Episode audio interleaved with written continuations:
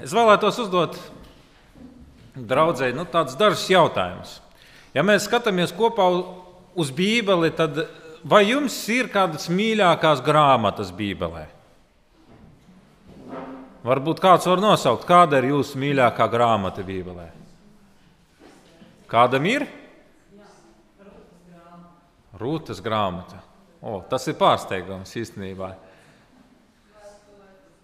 Vēstule Efeziešiem.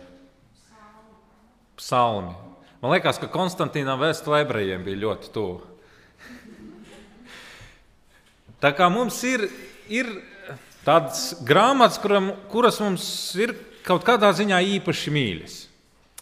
Uh, bet es domāju, ka daudziem ir arī nu, līdzīgi kā tas ir ar mani personīgi. Man ir grāmatas, kuras man īpaši mīļas, bet um, viņas nav uz tādu visu laiku īpaši mīļas. Kādā dzīves periodā, kādā laikā tas tā grāmata, kura liekas īpaši mīļa, nu, viņa ir mainīga. Es atceros, man kādu brīdi bija ļoti uh, Salmana pamācības. Es viņas lasīju katru dienu, katru mēnesi un katru gadu. Ja?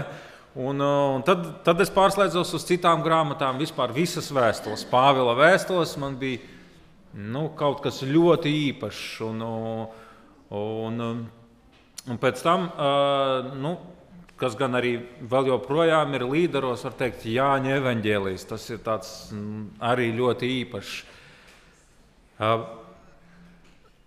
Nezinu, no kā tas ir atkarīgs, bet kaut kuros brīžos tās grāmatas nedaudz pamainās, tās prioritātes, kura grāmata liekas tāda visīpašākā un vissvarīgākā. Bet, kad skatāmies, nu man personīgi ir tā, ka uh, evaņģēliem jebkurā gadījumā ir bijusi īpaša vieta. Un es domāju, kāpēc evaņģēlīji nu, ir tādi nu, tuvāki par visām pārējām grāmatām. Nu, es priekš sevis devu tādu atbildi, ka. Mm, Tāpēc, ka tur ir tieši dzīves, Jēzus dzīves atstāstījums, visi šie notikumi aprakstīti, un, un tas ļoti nu, piesaista uzmanību, ļoti tu vēlies tajā iedziļināties un, un, un iepazīt. Un, un, ja mēs, un, ja es skatos uz evaņģēliem, tad evaņģēlijos, kas mani ļoti uzrunā, tās ir Kristus līdzības. Un atkal es meklēju atbildes, kāpēc Kristus līdzības tieši tā uzrunā. Nu, atbilde atkal ir pavisam vienkārša, jo Jēzus, tie ir Jēzus vārdi, kur Jēzus ar pavisam vienkāršu valodu, ar vie, pavisam vienkāršu atstāstījumu paskaidro sarežģītas, neizprotamas um, un nu, dziļi garīgas atziņas un lietas. Un tāpēc liekas, nu, cik vienkārši tomēr var paskaidrot to, kas ir sarežģīts. Un šodien arī kopā ar jums vēlos apskatīt kādu Kristus līdzību, ko viņš runā. Un tad nāk nu, pie atziņas, ko mēs no šīs līdzības varam mācīties. Jo pirmā uzmetumā, kad mēs lasām šo līdzību, mums viņa neliekās īpaši saistoša priekš pašiem mums, jo viņa netiek tieši runāta uz mums, jo izpētot, mēs viņu saprotam, ka tā tiek runāta uz uh, farizējiem, rakstu mācītājiem, jūdu tautas vadoņiem. Un šī līdzība ir ierakstīta Mateja evanģēlī 21. nodaļā, no 33. panta. Mēs varam izlasīt, uh, Jēzus stāsta līdzību. Viņš uzrunā farizējus, viņš uzrunā rakstu mācītājus, Un viņš viņiem saka e, otru līdzību, kad viņš jau viņiem bija vienu izstāstījis, viņš saka otru līdzību. Viņš saka, klausieties citu līdzību. Bija nama tēvs, kas dēstīja vīna dārzu, uzcēla tam visapkārt sētu, izraka tanī vīna spaidu un uzcēla torni un iznomāja to strādniekiem un pats aizceļoja. Kad augļu laiks atnāca, tad viņš sūtīja savus kalpus pie strādniekiem, lai saņemtu savus augļus.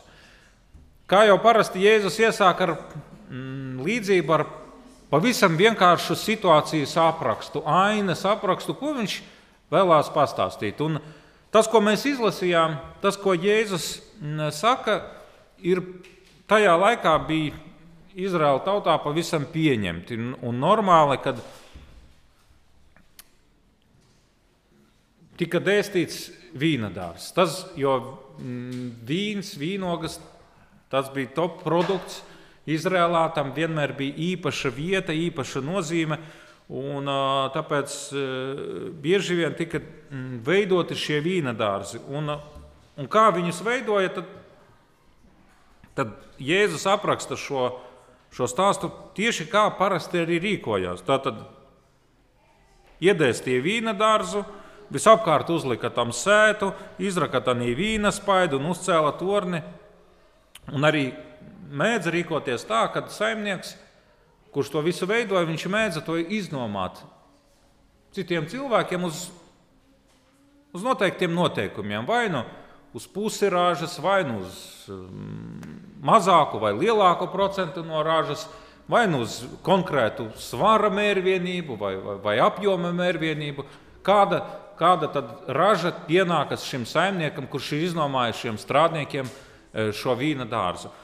Tas bija pilnīgi normāli. Un, uh, Un arī ir teikts, ka vīnadārs viņam visapkārt tika likta sēta. Jā, tāds nožogojums priekš kā liek sētu, kā jūs domājat?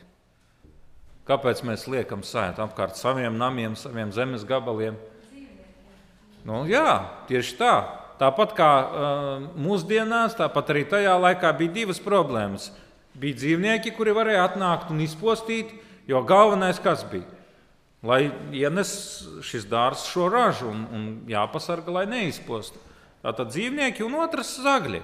Ja? Zagļi arī varēja ienākt un paņemt, tāpēc arī bija šis tornis, no kura varēja pārskatīt, vai nenāk kāds un ne, necenšas iezakties un nozagt šos augļus.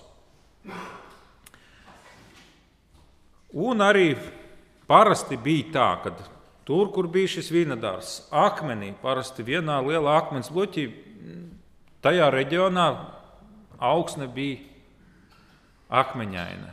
Viņa bija jāsakopja, tas bija liels darbs, lai iestādītu vīna dārzu. Viss bija jāsatīra, jāsakopja.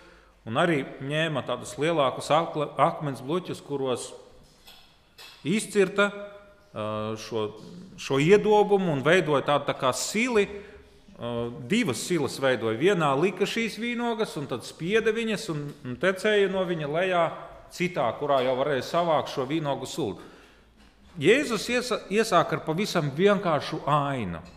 Un tālāk, ko viņš turpina? Par šiem strādniekiem viņš kādu liecību nodod. Bet strādnieki ņēma uh, tā.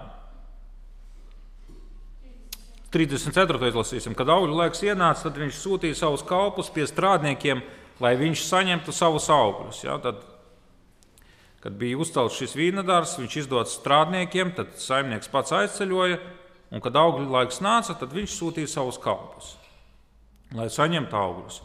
Bet ko strādnieki dara? Bet strādnieki ņēma viņa kalpus, vienu tieši šautu, otru nokāva, trešo nomētāja akmeņiem.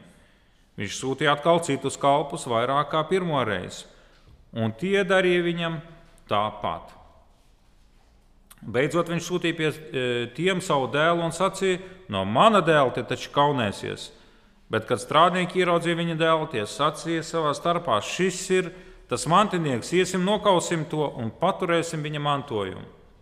Un viņi ņēma to, izmeta no vīna dārza ārā un nokāva Kad nu vīna dārza kungs nāks, ko viņš darīs ar šiem strādniekiem?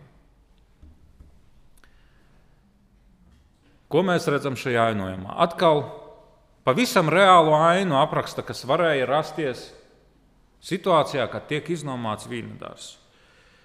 Bet, eh, ja jau mēs atceramies, ko tad īsti nozīmē līdzība, līdzība vienmēr nozīmē to, ka no kādas praktiskas lietas tiek paskaidrota dziļi garīga lieta. Tādēļ mums visas šīs praktiskās lietas ir jāpārnes, lai izprastu šo līdzību. Viņas ir jāpārnes šajā garīgajā plāksnē un jāsaprot, ko tad simbolizē šīs lietas, par kurām Jēzus runā. Kas tad ir īsti šis vīnadārs, par ko tie šeit iet runa, kurš tiek izdots eh, strādniekiem? Vīnadārs ja mēs e, raugamies vecajā derībā, tad bieži vien mēs atrodam to, ka um, vīnadārs simbolizējās ar dievu tautu. Izraēla tauta tā bieži vien rakstos tiek nosaukta par vīna dārzu. Un Iesaja, Iesajas grāmatas 5. nodaļas 7. pantā ir teikts tā. Tā kunga cebota vīna dārzs ir Izraēla nams, un jūdas vīri ir stādi, kam pieder viņa sirds. Tas ir rakstīts Iesaijas 5.7. Iesaijas 5.7. Tā kunga cebota vīna dārzs ir Izraēla nams. Tātad vīna dārzs ir Izraēla tauta šajā ziņā. Vīna dārza saimnieka kalpi, kas ir pravieši. Jā, mums ir zinoši cilvēki, kas saka, ka tie ir pravieši. Un tiešām arī rakstos mēs atrodam, kad um, ir teikts, ka pravieši, kas kalpoja Izrēlam, kas kalpoja Dievam, tie uh, tiek nosaukti par dieva kalpiem. Jeremijas 44,4. Jeremijas 44,4 ir teikts, es gan nemitīgi sūtīju pie jums visus praviešus, manus kalpus, lai viņi agri un vēlu sludinātu, un nedariet jau tādu negantību, ko es ienīstu. Un vēl citas raksturvietas mēs varam atrast, kur pravieši tiek nosaukti par dieva kalpiem. Un, uh, ziniet, Izraēla tautā mm, pravieša kalpošana, nu, pravieša maize tā nebija salda maize. Tas bija eh, grūts darbs, jo uh, it īpaši tautas vadītāji pret praviešiem izturējās nu, ļoti bargi. Tad, kad Izraēla tautas ķēniņi atkāpās no dieva, no dieva likumiem, Tad Dievs viņiem sūtīja praviešus, kuri teica brīdinošus vārdus, kuri teica norājumu, un, un bieži vien eh, praviešiem draudēja nāve, un, un arī viņus arī nogalināja. Bībelē mums par to vēstīja, ka mm, viņi tika pakļauti nāves briesmām. Eh, kā jau arī šajā līdzībā mēs lasām, ka ir teikts, ka saimnieks, tātad mēs saprotam, ka saimnieks, šī vīna dārza saimnieks, kas to dēsta, kas to izveido, tas ir pats Dievs. Ja, un, un viņš sūta savus kalpus pie šiem strādniekiem un kalpus praviešus. Tātad mums vēl jānoskaidro, kas ir šie strādnieki, kuriem ir iznomāts šis vīna dārzs. Tie ir Izraēla tautas vadītāji, ja, kuri, kuri ir atbildīgi par tautu, par, par tās dzīvi, par tās ceļu, par tās veidošanos. Tātad mēs noskaidrojam, ka vīna dārzs ir Izraēla tauta. Vīna dārza saimnieks ir dievs, vīna dārza kalpi, e, e, saimnieka kalpi ir pravieši, un strādnieki, kuriem tas ir izdomāts, ir, ir šie e, Izraēla tautas vadītāji. Un, lasot veco derību, mums atklājas, kā tad izturējās pret praviešiem vīna nu, šie uh, tautas vadītāji. Mēs varam izlasīt pirmā ķēniņa grāmatā, 22. nodaļā, uh, šādus vārdus. Nu, 8. pāns un 24. līdz 27. pāns. Pirmā ķēniņa 22, 8 un 24 līdz 27. Ir teikts, un Izraēla ķēniņš sacīja Jošafatam, Tur ir gan vēl viens vīrs, caur kuru var to kungu izjautāt, bet es to ienīstu, jo viņš par mani nav labu liecību devis kā pravietis, bet gan vienīgi ļaunu. Tas ir Miha Imalas dēls. Nu, redziet, kā ķēniņš Ahabs, tas ir tas, kurš izsaka šos vārdus par pravieti. Kā izturās tautas vadītājs pret pravieti, pret dieva sūtīto kalpu? Viņš saka, Nu, ir pravietis, ir cilvēks, bet es viņu ienīstu. Un tālāk mēs varam lasīt vēl kādu liecību, bet 24. līdz 27. pants. Bet Kenānas dēls Cēdeķie pienāca klāt, iesita Miham pa vaigu un sacīja, vai tad tagad tā kunga gars no manis būtu pārgājis uz tevi, lai runātu ar tavu muti? Un Miha sacīja, redzi, tev tas būs jāredz, jāredz tajā dienā, kad tu no, kad tu no vienas iekštelpas bēgsi otrā, lai paslēptos. Un Izraēla ķēniņš sacīja: paņem Mihu un aizved to atpakaļ pie pilsētas vārta sarga Amona un pie ķēniņa dēla Joāsa un saki tā. Tā saka ķēniņš, iemetiet šo cietumā, ēdiniet viņu ar bada maizi un ar bada ūdeni, līdz es laimīgi pārnākšu atpakaļ. Redziet, kāda izturēšanās pret pravieti. Viņu iesloga cietumā. Otrā laika grāmata 24, 19, 21 mēs varam lasīt. Un tas kungs sūtīja viņu vidū praviešus, lai viņus atkal atgrieztu pie tā kunga, un tie griezās pie viņu sirdsapziņas, bet viņi neklausījās. Kā ir teikts? Tika sūtīti pravieši Izraēla tautas vadītājiem, lai tie runātu uz viņu sirdsapziņu, bet tie neklausījās. Tad Dieva gars nāca par Zahariju, priestera Jojādas dēlu, un viņš nostājās kādā paaugstinājuma tautas priekšā un sacīja, tā saka Dievs, tāpēc jūs, tāpēc, kāpēc jūs pārkāpjat tā kunga baušļus? Tas nebūs jums par labu. Ar to jūs esat to kungu atmetuši, un viņš atmetīs jūs. Bet viņi cēlās, sazvērēdamies pret viņu, un paklausīdami ķēniņa pavēlētie, viņi nomētāja ar akmeņiem tā kunga nama pagalmā. Redziet, kāda izturēšanās bija pret praviešiem. Un, uh, Tas, ko Jēzus saka šajā līdzībā, tas atbilst pilnīgi patiesībai. Viņš atsaucās uz vēsturi, kas jau ir notikusi.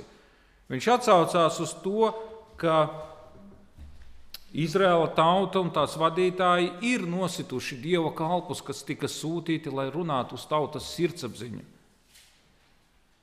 Tāpat kā mēs lasījām līdzībā, kad ir Jēzus, kad stāsta šo līdzību, viņš saka, ka saimnieks sūta kalpus un, un šie strādnieki ko dara? Viņi liek pilnīgā necieņā saimnieku un nogalina kalpus.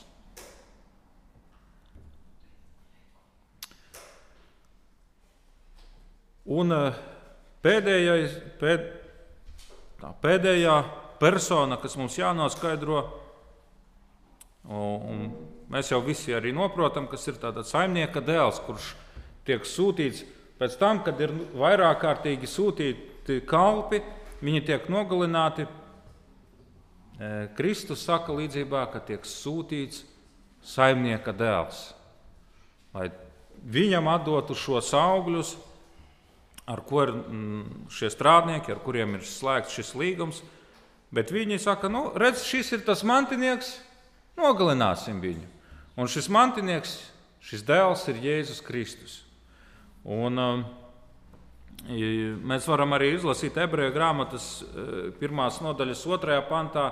Ir teikts, šīs pēdējās dienās uz mums ir runājis caur dēlu, ko viņš ir iecēlis par visu lietu mantinieku, caur ko viņš arī pasauli radījis. Kristus arī tiek nosaukts kā mantinieks, kā visu lietu mantinieks. Tātad līdzībā arī viņš tiek nosaukts kā dēls un kā e, šie vīnu dārza strādnieki viņu nosauc kā mantinieku un Saka, iegūsim viņa mantojuma daļu.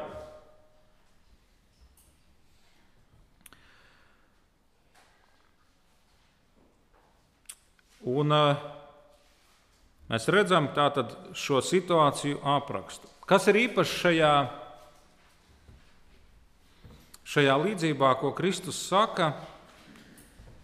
Viņa ir kā parasti ierasta līdzība, bet Kas ir ļoti īpašs viņā, kad viņa atsaucās uz vēsturi, uz to, kas jau ir noticis, un eh, viņa ir vēl pie tam ar pravietojumu, jo eh, Kristus pats pravieto par to, kā, kā, kādā nāvē viņš mirs, par to, ka eh, viņu sagūstīs, viņu izmetīs no tautas vidus un nogalinās. Jo kā, ko mēs atceramies par Kristus nāvi? Viņu sagūstīja, notiesāja. Tagad, ja mēs skatāmies uh, uz Jeruzalemes karti, tad tā vieta, aptuveni, kur bija Golgāta, kur viņu sita krustā, tā, uh, tā ir pilsētas iekšpusē. Bet tajā laikā tā bija ārpus pilsētas. Un, uh, kā Jēzus šajā līdzībā teica, ko viņš teica? Tie sagūstīs dēlu, sagūstīja dēlu un izmet ārā no vīna dārza jeb izmet ārā no savas, sava vidus un nogalināja. Tad mēs redzam, kas ir īpašs tieši šajā līdzībā, kad viņi ir ar, ar pravietojuma daļu. Un tālāk Jēzus uzdod, um, atgriežamies pie Mateja Vāģela 21. nodaļas, 41. panta, un Jēzus uzdod viņiem jautājumu. Viņš iepriekš uzdeva jautājumu, kas tad notiks ar šiem tādiem ļauniem vīna dārza strādniekiem. Un, uh, Viņi paši arī atbild šie farizēji, ko viņš uzrunā. Viņi tam sacīja, viņš tos ļaundarus bez žēlastības nogalinās un izdos vīna dārza citiem strādniekiem, kas viņam dos augļus īstajā laikā. Nu, šeit ir interesanti, ka paši viņi sev pasaka nu, šo spriedumu, kas ar viņiem notiks. Un tālāk Jēzus sacīja uz tiem, vai jūs nekad neesat rakstus lasījuši? Akmens, ko nama cēlāji atmetuši, ir kļuvis par stūra akmeni, tas ir no tā kunga un ir brīnums mūsu acīs. Tāpēc es jums saku, Dieva valstība no jums tiks atņemta un dota tautai, kas nes viņas augļus. Un kas kritīs uz šo akmeni, tas sašķīdīs, bet uz ko tas kritīs, to viņš satrieks. Un, kad augstie priesteri un farizēji dzirdēja viņa līdzību, līdzības, tie saprata, ka tas runāja par viņiem Tie meklēja viņu tvert, bet bijās no ļaudīm, jo tie turēja viņu par pravieti.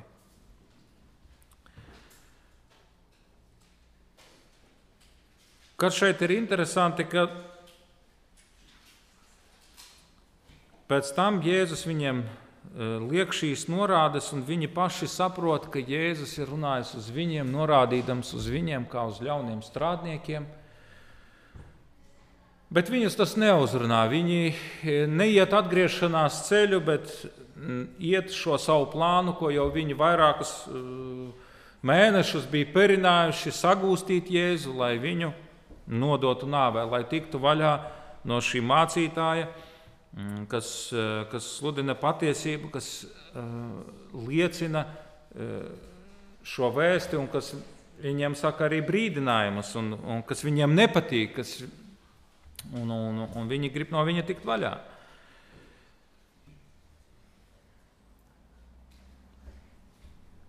Kopēji priekš mums šī līdzība jau lielākā tās daļa neko nedod, jo tā tiek runāta tieši uz eh, šiem vadītājiem. Bet, kad mēs skatāmies uz šīs līdzības beigām, tad ir teikts, ka šī, eh, šī kalpošana Pie vīna dārza tā tiks uzticēta citiem strādniekiem, uzticīgiem strādniekiem, kas dos nu, labus augļus, šos, tos augļus, ko uh, kungs sagaida no vīna dārza. Un, attiecīgi, šeit mēs saprotam, ka uh, šie strādnieki, šie, kam tiks uzticēts, ir, tie ir kristieši. Tie ir e, Jēzus Kristus sekotāji, kuriem tiks uzticēts šis lielais uzdevums, kas e, tas tiek atņemts no, no Izraēla tautas un tiek uzticēts mm, Jēzus Kristus sekotājiem.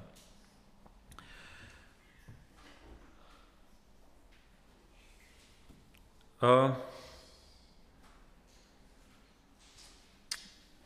nedaudz atgriezīsimies arī vecajā derībā pie iesaistas grāmatas 5. nodaļas, jau no paša pirmā panta. Jo šeit ir pateikts kaut kas ļoti īpašs. Mēs jau lasījām 7. Eh, pantu, bet no 1. panta ir pateikts, ka nu, tāds vēstījums arī par vīna dārza vēstījums. Un, uh, šī līdzība kuru Jēzus stāsta par jauniem vīnadāra strādniekiem, faktiski ir atvasināta no tā, kas ir teikts Iesaijas grāmatā. Jēzus ņem šo Iesaijas mm, grāmatas aprakstu un, un veido uz tās pamata līdzību, ko, kuru mēs šodien izskatām. Un izlasīsim arī e, to, kas ir teikts šajos pantos. Es dziedāšu par savu dvēseles draugu, par savu sirds draugu dziesmu, par viņa vīna dārzu. Manam sirsnīgajam draugam bija vīna dārza auglīgā pakalnā. Viņš to apraka, iztīrīja no akmeņiem, apstādīja ar labiem vīna koka stādiem. Tā vidū viņš uzcēla torni, izcirta vietu vīna spaidam un sagaidīja, ka tas nesīs labus augļus, bet tas atnesa skābas vīnogas. Tad nu jūs, Jeruzalemes iedzīvotāji, un jūs, jūdas vīri, spriediet tiesu starp mani un manu vīna dārzu. Kas tad man vēl bija ko darīt savā vīnadārzā, ko es nebūtu darījis? Kāpēc gan es gaidīju, ka tas nesīs labus augļus, bet tas atnesa negaršīgas vīnogas? Es jums teikšu, ko es darīšu ar savu vīnadārzu. Es nojaukšu tā sētu, lai to nogan, es noārdīšu tā mūri, lai to samin un izmīda. Es to aizlaidīšu postā, to vairs neapgraizīs un neaprakst tā, ka tur, ne, ka tur augs ēkšķi un daži es pavēlēšu mākoņiem, lai tam lietus vairs nedod. Tā kunga cebota vīna dārs ir Izraēla nams, un jūdas vīri ir tādi, kam pieder viņa sirds. Viņš sagaida taisnu tiesu, bet redzi, izlai asinis taisnīgumu, taisnīgumu bet redzi, atskan vaimanas. Ko mēs redzam šajā aprakstā, kad Tas ir pravietojums par to, ka Izraels tiks izklīdināts, eh, Dieva templis tiks iznīcināts. Iesaja to, ko viņš raksta, viņa kalpošana bija aptuveni 700 gadus eh, pirms Kristus. Tātad aptuveni 700 gadus eh, pirms Kristus viņš raksta šos vārdus, šos brīdinājumu vārdus.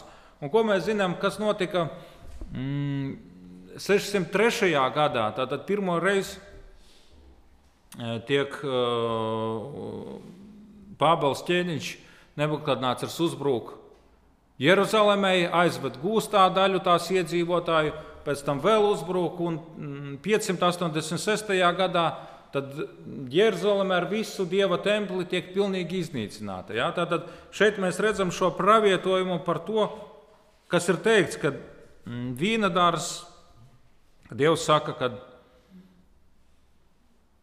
tas e, tiks iznīcināts, jā, tad e, no, tiks nojaukta sēta, lai to nogana. Es noardīšu tā mūri, lai samina un izmīda. Es aizlaidīšu to postā. Un tas arī notika ar Izraēlu e, tautu, ar to dzīves vietu. Un pēc tam mēs redzam, kad arī atkārtojās, kad, at, kad Kristu eh, sita krustā 70. gadā, jau atjaunotais templis vēlreiz tiek iznīcināts. Jo atkal Izraēla tautai, kurai tika dota iespēja tuvoties Dievam, kurai tika dota iespēja liecināt par Dievu, viņi atkal atteicās. Jo ko viņi darīja? Viņi Jeremijas laikā, pēc Jeremijas, pirms Jeremijas, ko viņi darīja? Viņi atteicās no dieva kalpiem sūtītajiem. Viņi viņus nokāva, viņi viņus nomētāja ar akmeņiem, viņi viņus lika cietumā. Dievs saka, nu, ja jūs izturaties pret maniem kalpiem, tā, tad tā, tāds būs jums sots. Tad, kad viņš sūta savu dēlu, saka, ja jūs atsakāties no mana dēla un viņu nogalināt, tad atkal jums par jums nāk šis sots. Un mēs redzam, ka tas reāli e, vēsturē ir piepildījies.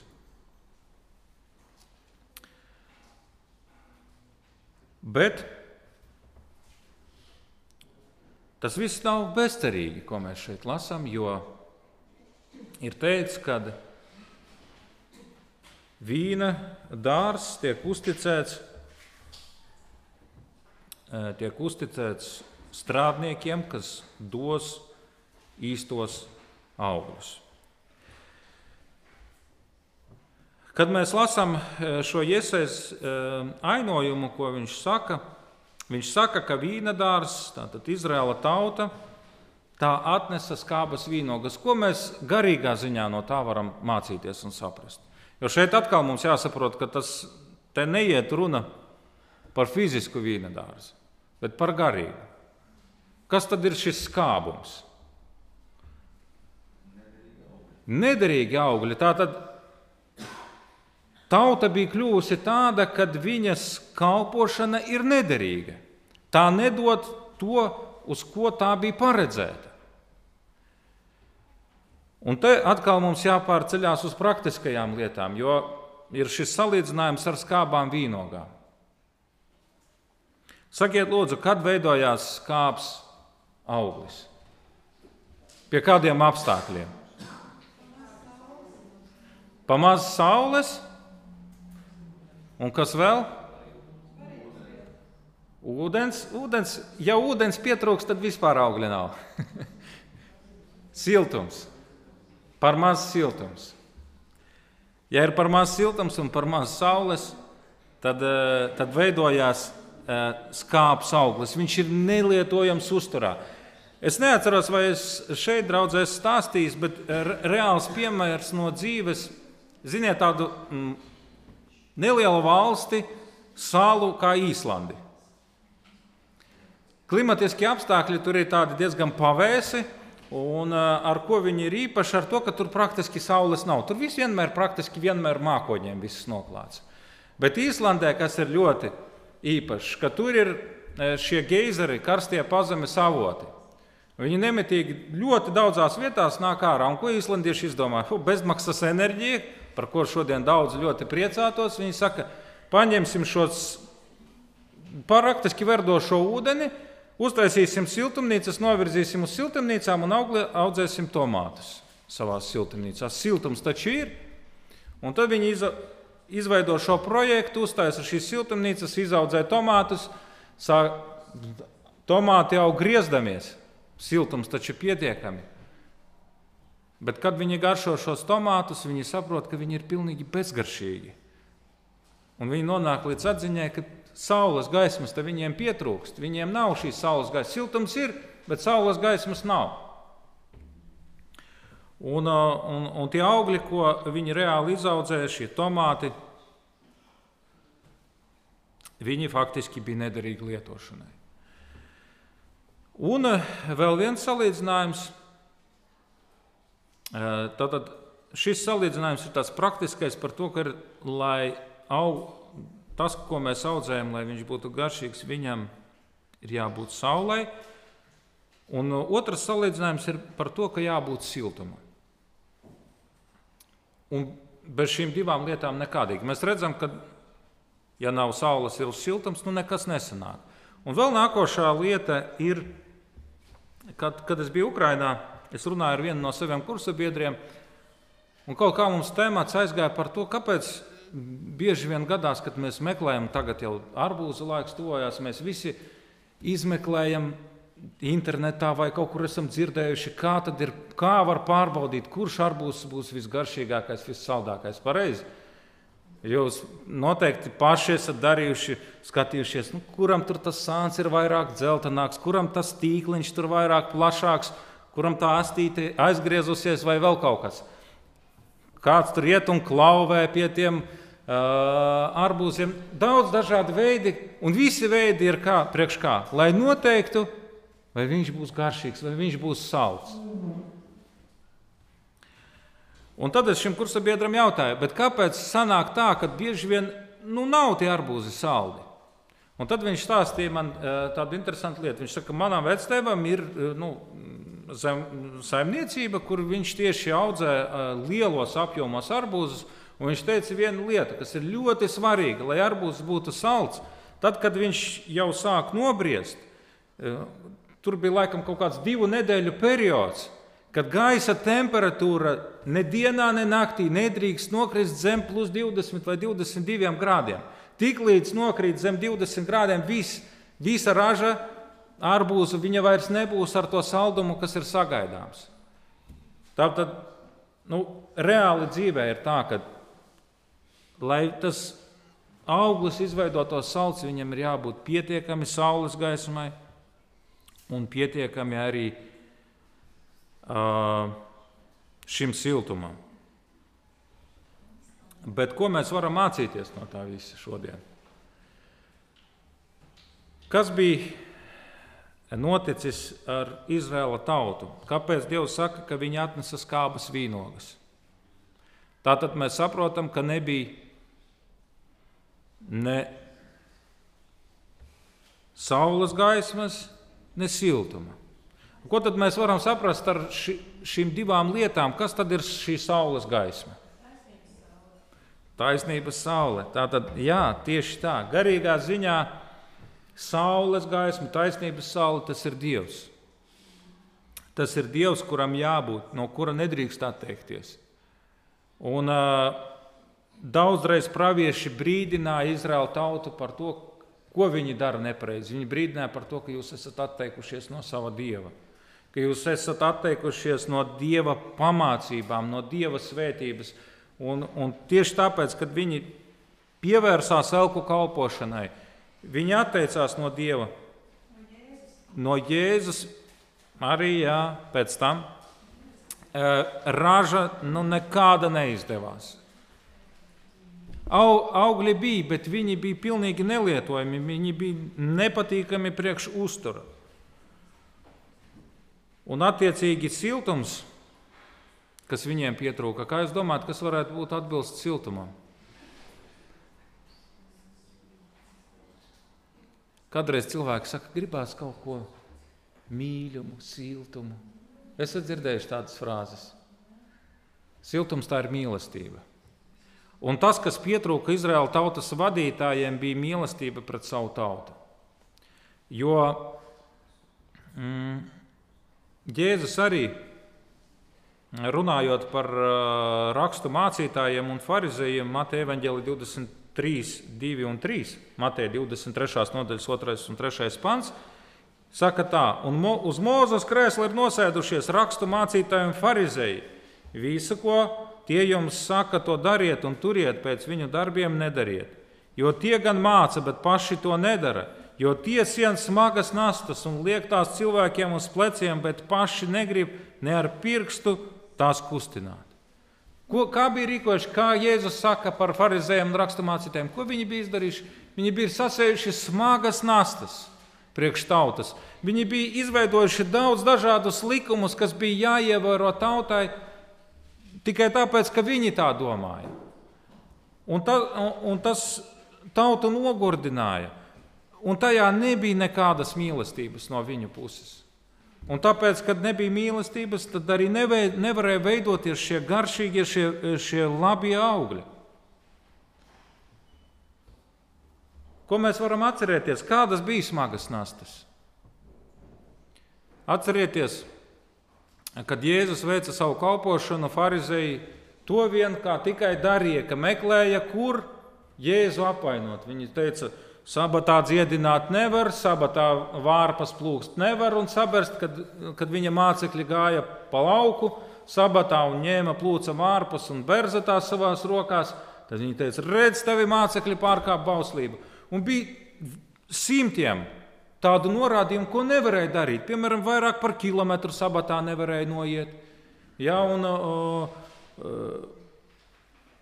un vēl citi daudz likumi, kas tikai atvasināti no dieva likuma, bet, bet viņi nebija mīlestībā veidoti. Un līdz ar to tas bija kā apgrūtinājums tautai.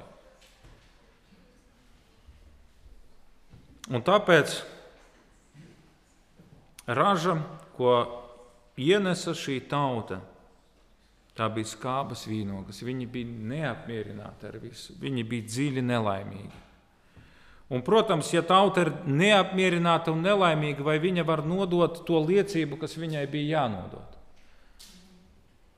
Kas bija tautas galvenais uzdevums? Kāpēc Dievs izraudzījās Izraēla tautu? Viņas Izraēla tautas galvenais uzdevums, kā jau mēs sabatskolā runājām, bija atklāt Jēzu, atklāt Dievu, Tēvu un atklāt Viņa raksturu. Un kā to var atklāt? Ar savu dzīvesveidu, ar saviem darbiem. Bet viņi neatklāja. Viņu uzvedība bija tāda, ka tautas apkārtējās, kad viņas redzēja, viņas viņi teica, mēs negribam tādu dzīvi. Mēs negribam tādu dievu.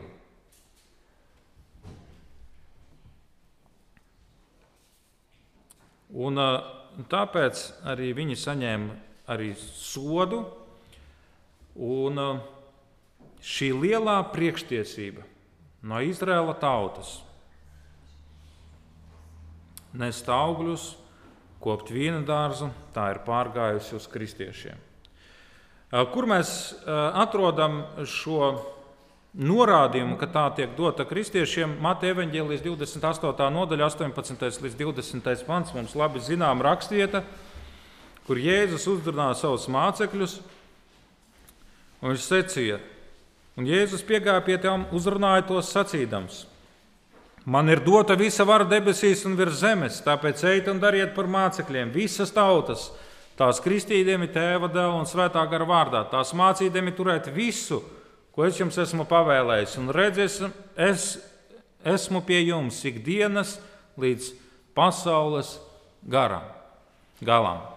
Tātad Kristus skaidri norāda, ka priekštiesība iet un liecināt Un darīt par mācekļiem tā tiek uzticēta e, nu, Kristus sekotājiem. Nu, šodien mēs to saprotam kā kristiešiem.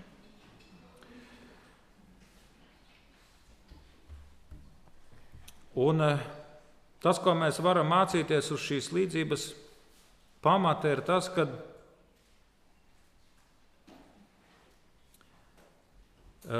mums ir uzticēts šis darbs, kas iepriekš bija uzticēts Izraēla tautai, Izraēla tautas vadītājiem. Un mums ir jāatcerās, ka mēs nedrīkstam pieļaut tās kļūdas, ko viņi pieļāva. Un šīs divas galvenās kļūdas, ko mēs jau noskaidrojām, tātad pirmā ir šī saules gaisma, neatteikties no Dieva, no Kristus. Tātad visai mūsu kalpošanai, visai mūsu dzīvei ir jābūt Kristu centrētai. Jāņa evanģēlija 8.12 ir teikts, tad Jēzus atkal runāja uz viņiem sacīdams, es esmu pasaules gaisma, kas seko man, tas patiesi nestaigās tumsībā, bet tam būs dzīvības gaisma. Tātad tas, kas mums šodien ir jāatcerās, veicot kalpošanas darbu, veicot šo strādnieka darbu, šo uzdevumu, mantojot augļus, Visai mūsu kalpošanai ir jābūt Kristu centrētai. Mums tiek jābūt apspīdētiem ar Kristus gaismu, ar viņa taisnīgumu. Un, un, vis, un otrā lieta, kas mums jāatcerās, ka viss darbs mums ir jāveic mīlestībā. Un tikai tādā veidā var mēs paši kļūstam par šiem augļiem, kur ir baudāmi, kur ir saldi, kurus cilvēks vēlās iegūt sev, kurus viņš, un, un, un kādiem arī cilvēks vēlās līdzināties.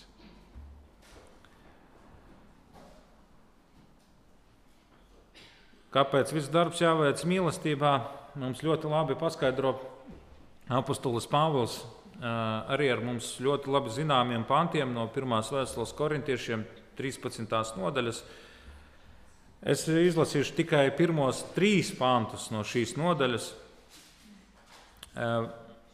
kur Pāvils izsaka atziņu par to, cik svarīga ir šī mīlestība, cik svarīga ir mīlestība priekš kalpošanas.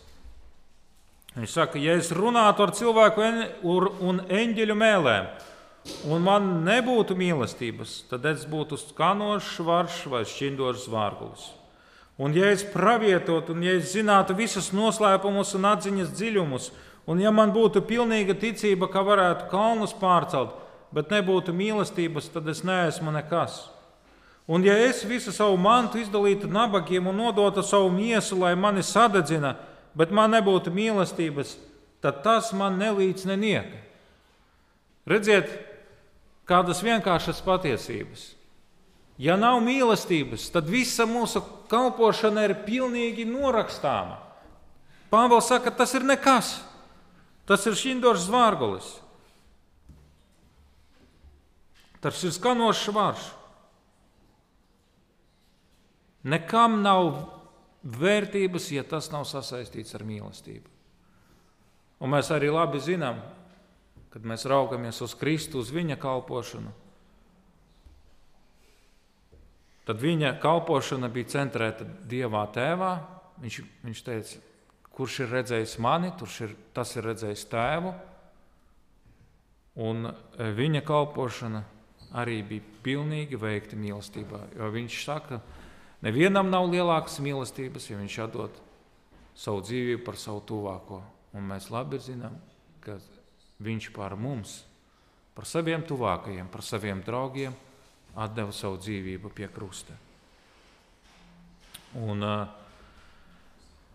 tādēļ šodien, mācoties šo līdzību, centīsimies nedarīt tā, kā darīja Izraēla tautas vecēji. Neatteiksimies no mūsu kunga, bet centrēsimies viņā un veiksim visu kalpošanu mīlestībā. Un tad ienāksies šie augļi, šie saldie augļi, kur ir tik ļoti patīkami. Un, un tad tiks piepildīts šis uzdevums, kam mēs esam aicināti. Un noslēgumā pants ir no ja, pirmās Jāņa vēstules, 4. nodaļas, 7. pāns. Mīļie, mīlēsim citu citu, jo mīlestība ir no Dieva, un katrs, kas mīl, ir no Dieva dzimis un atzinis Dievu. Amen. Nolieksim galvas lūgšanā.